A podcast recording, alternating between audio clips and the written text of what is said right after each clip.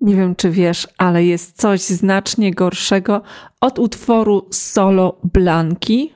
I tak wiem, poprzeczka jest ustawiona naprawdę bardzo nisko i ciężko będzie pod nią przejść, ale jest coś takiego. Jest tym marka osobista w rytmie niemieckiego disco polo, czyli jo, jo, jo. I dzisiaj właśnie o tym, dlaczego marka osobista nie jest o tobie, a raczej o tym, co jest istotą cyfrowego przywództwa i tak naprawdę co w praktyce to oznacza. Więc jeżeli masz aspiracje, chcesz być liderem cyfrowym, to zdecydowanie jest to odcinek dla ciebie. Zaczynamy.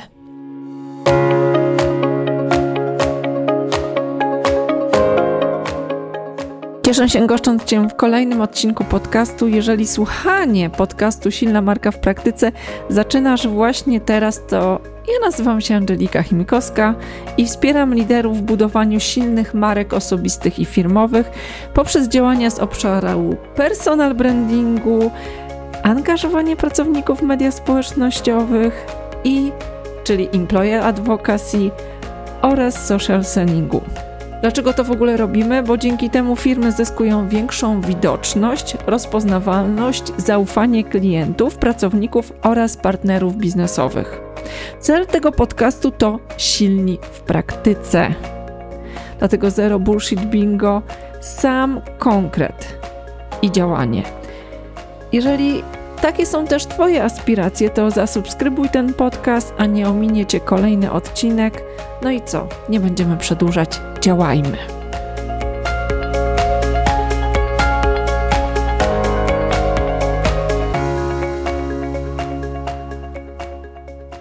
Jesteśmy na zakręcie czwartego sezonu tego podcastu, bo ci, którzy są nowi, pewnie tego nie wiedzą, ale ten podcast jest podzielony na sezony, sezony tematyczne i każdy sezon ma 12 odcinków, dokładnie tak jak w Netflixie są sezony, są epizody i my jesteśmy w sezonie poświęconym silnej marce lidera. I to jest szósty odcinek, więc jesteśmy na winklu tego e, sezonu i ja postanowiłam trochę poruszyć może kłopotliwy temat, ale temat taki właściwie po co to wszystko robimy? Po co mi ta silna marka lidera? Dlaczego to jest ważne? Co to może mi zrobić? Bo przez ostatnie pięć odcinków rozmawialiśmy o aspektach budowania widoczności, o poziomach komunikacji marki osobistej, o tym, co możemy uzyskać w kontekście właśnie komunikowania marki lidera, a ja chcę Ci powiedzieć, że jest coś więcej. Coś więcej niż to, że Ty będziesz liderze, Ty będziesz liderką widoczna, że Ty będziesz miała korzyści z tego, że masz silną markę osobistą, i tutaj właśnie dotykamy istoty cyfrowego przywództwa. Jeżeli ten termin nie jest ci znany, jeżeli w jakiś sposób ominęło cię to, bo rzeczywiście ten digital leadership może się kojarzyć z wieloma rzeczami, zresztą hasło związane z przywództwem, z wyzwaniami, jakie mają liderzy w związku z wieloma pokoleniami w swoich zespołach, to jest ten temat przywództwa bardzo się przewija i digital leadership tworzy taki kontekst, który niekoniecznie może być zrozumiany lub może być zrozumiany opacznie lub zbyt wielowątkowo. I dla mnie, i takie jak ja znam to z literatury, takie cyfrowe przywództwo odnosi się do sposobu kierowania i zarządzania w erze cyfrowej, w jakiej żyjemy. Oznacza to, że ja jako lider, Niezależnie, czy jestem liderem jednoosobowej firmy, czy jestem liderem zespołu na etacie, czy jestem liderem firmy, którą prowadzę, potrzebuję mieć umiejętności i kreować strategię, która będzie moją organizację posuwała do przodu w szybko zmieniającym się środowisku, w szybko rozwijających się technologiach i tam pojawia się kilka aspektów, które są kluczowe. A konkretnie tych aspektów jest osiem.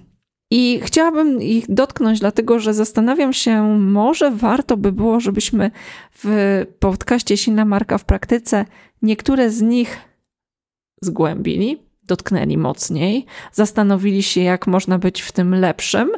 I tutaj liczę na Twój odzew, na to, że napiszesz do mnie na kontakt małpka.silnamarka.com lub odezwiesz się do mnie w mediach społecznościowych. Jestem aktywna najbardziej na LinkedInie i czasem na Instagramie lub w komentarzu oczywiście też na YouTubie i dasz mi znać, który z tych aspektów jest dla Ciebie kluczowy. Jak już powiedziałam, jest ich 8, czyli 8 przestrzeni cyfrowego przywództwa, które warto wziąć pod uwagę. Po pierwsze, to jest zrozumienie technologii. Rozumienie tego, jak funkcjonują technologie, w którym kierunku się rozwijają.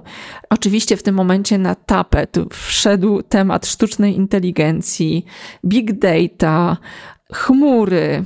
I to wszystko powoduje, że konieczne jest, niezależnie od tego, w jakiej branży pracujesz, rozumienie tego, w którym kierunku idzie świat, w którym kierunku idzie branża i jak ty możesz wykorzystać technologię do tego, żeby tworzyć przewagę konkurencyjną w twojej branży. Druga rzecz to jest innowacyjność. Innowacyjność oznacza to, że nieustannie szukasz nowych sposobów, żeby jeszcze lepiej służyć swojemu klientowi. Dlatego, że żyjemy w czasie, gdzie skopiowanie produktu, skopiowanie usługi jest bardzo proste. I nieustannie należy uciekać do przodu, nieustannie należy być tą osobą, która wyprzedza rynek, która jest pierwsza w znajdowaniu rzeczy, które są kluczowe dla naszych odbiorców, znajdowanie sposobów różnie na to, również na to, żeby robić to taniej, efektywniej, szybciej. Trzecia rzecz i trzecia przestrzeń to jest zmiana kultury organizacyjnej. To wymaga od osób, które tworzą firmy, tworzenia kultury, która jest otwarta na zmiany i na nieustanną adaptację, na to, że nie rozsiadamy się w fotelach i czujemy się ze sobą dobrze, ale nieustannie szukamy i testujemy, bo kultura zmiany to tak naprawdę jest kulturą otwartości na próbowanie, na testowanie, na porażkę, wnioski i znowu wstawanie, testowanie, wnioski aż do skutku. Czwarta rzecz to jest cyfrowa strategia.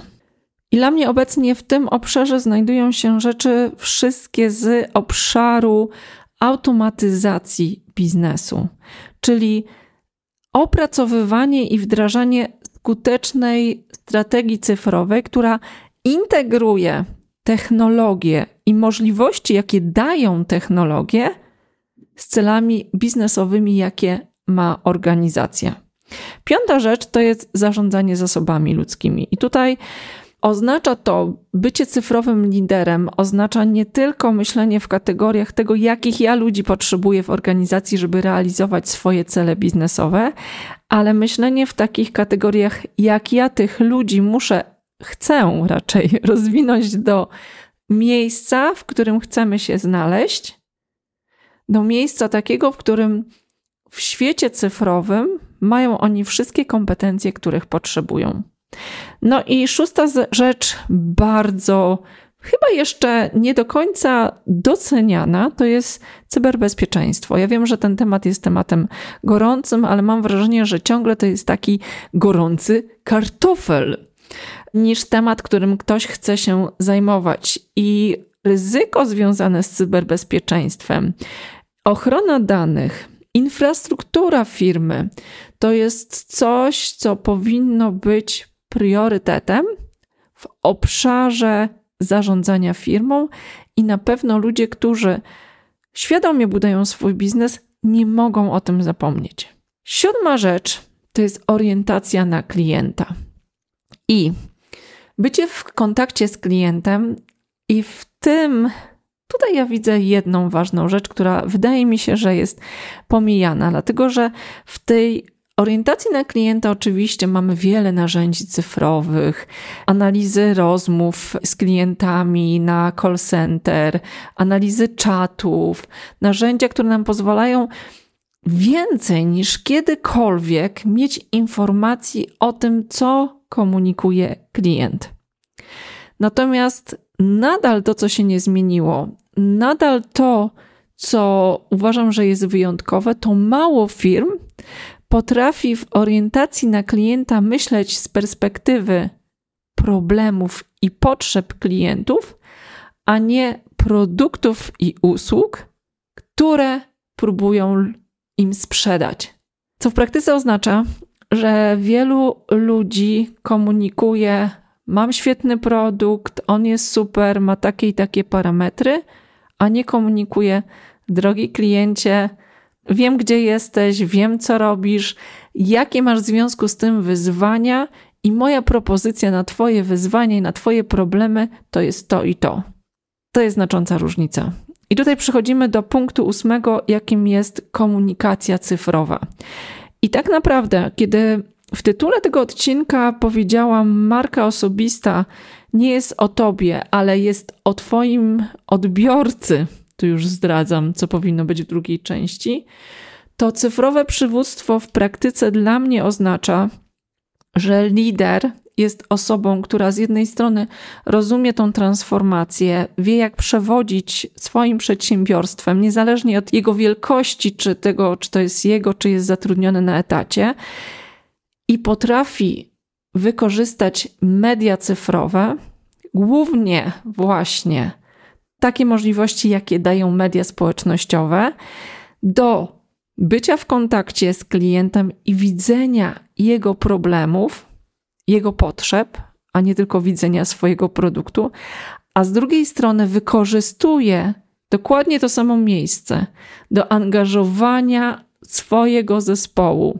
do angażowania ludzi, do bycia liderem opinii w danym temacie, po to, żeby właśnie silną markę osobistą lidera wykorzystać do tego, żeby być głosem. Głosem, mam nadzieję, rozsądku, głosem wpływu, pozytywnego wpływu na świat, w którym żyjemy. Dlatego marka osobista nie jest o tobie, jest o Twoim odbiorcy. Jest o osobie, której służysz.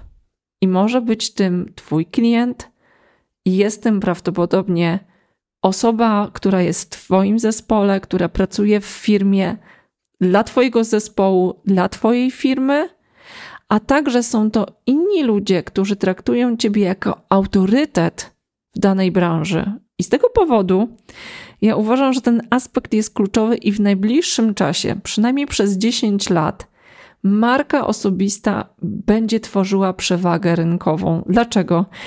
Dlatego, że w erze cyfrowej, w rozwoju sztucznej inteligencji, będziemy jako ludzie czuli się zagrożeni, bo zaczynamy nie mieć kompetencji, żeby móc ocenić, czy to, co widzimy, jest prawdą, czy nie.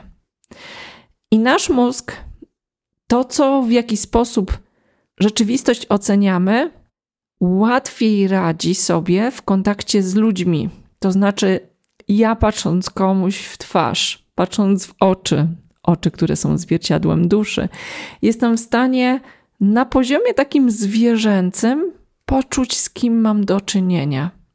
I my, jako ludzie, będziemy szukali innych ludzi, którym będziemy mogli zaufać.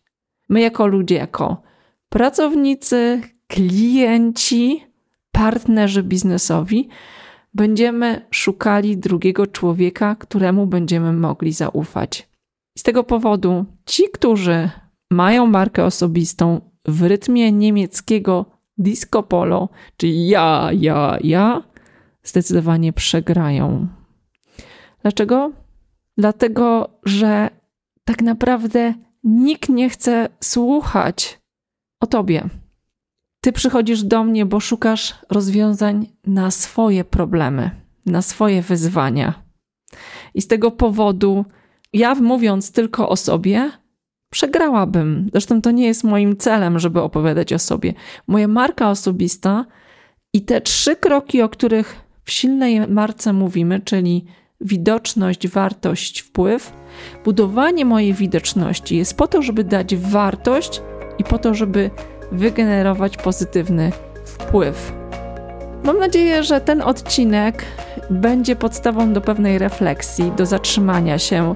Zresztą mamy taki czas teraz świąteczny, w który wchodzimy i specjalnie zapodałam taki temat, bo jestem ciekawa, co ty o tym myślisz. Czym dla ciebie jest cyfrowe przywództwo i czym dla ciebie jest bycie cyfrowym liderem?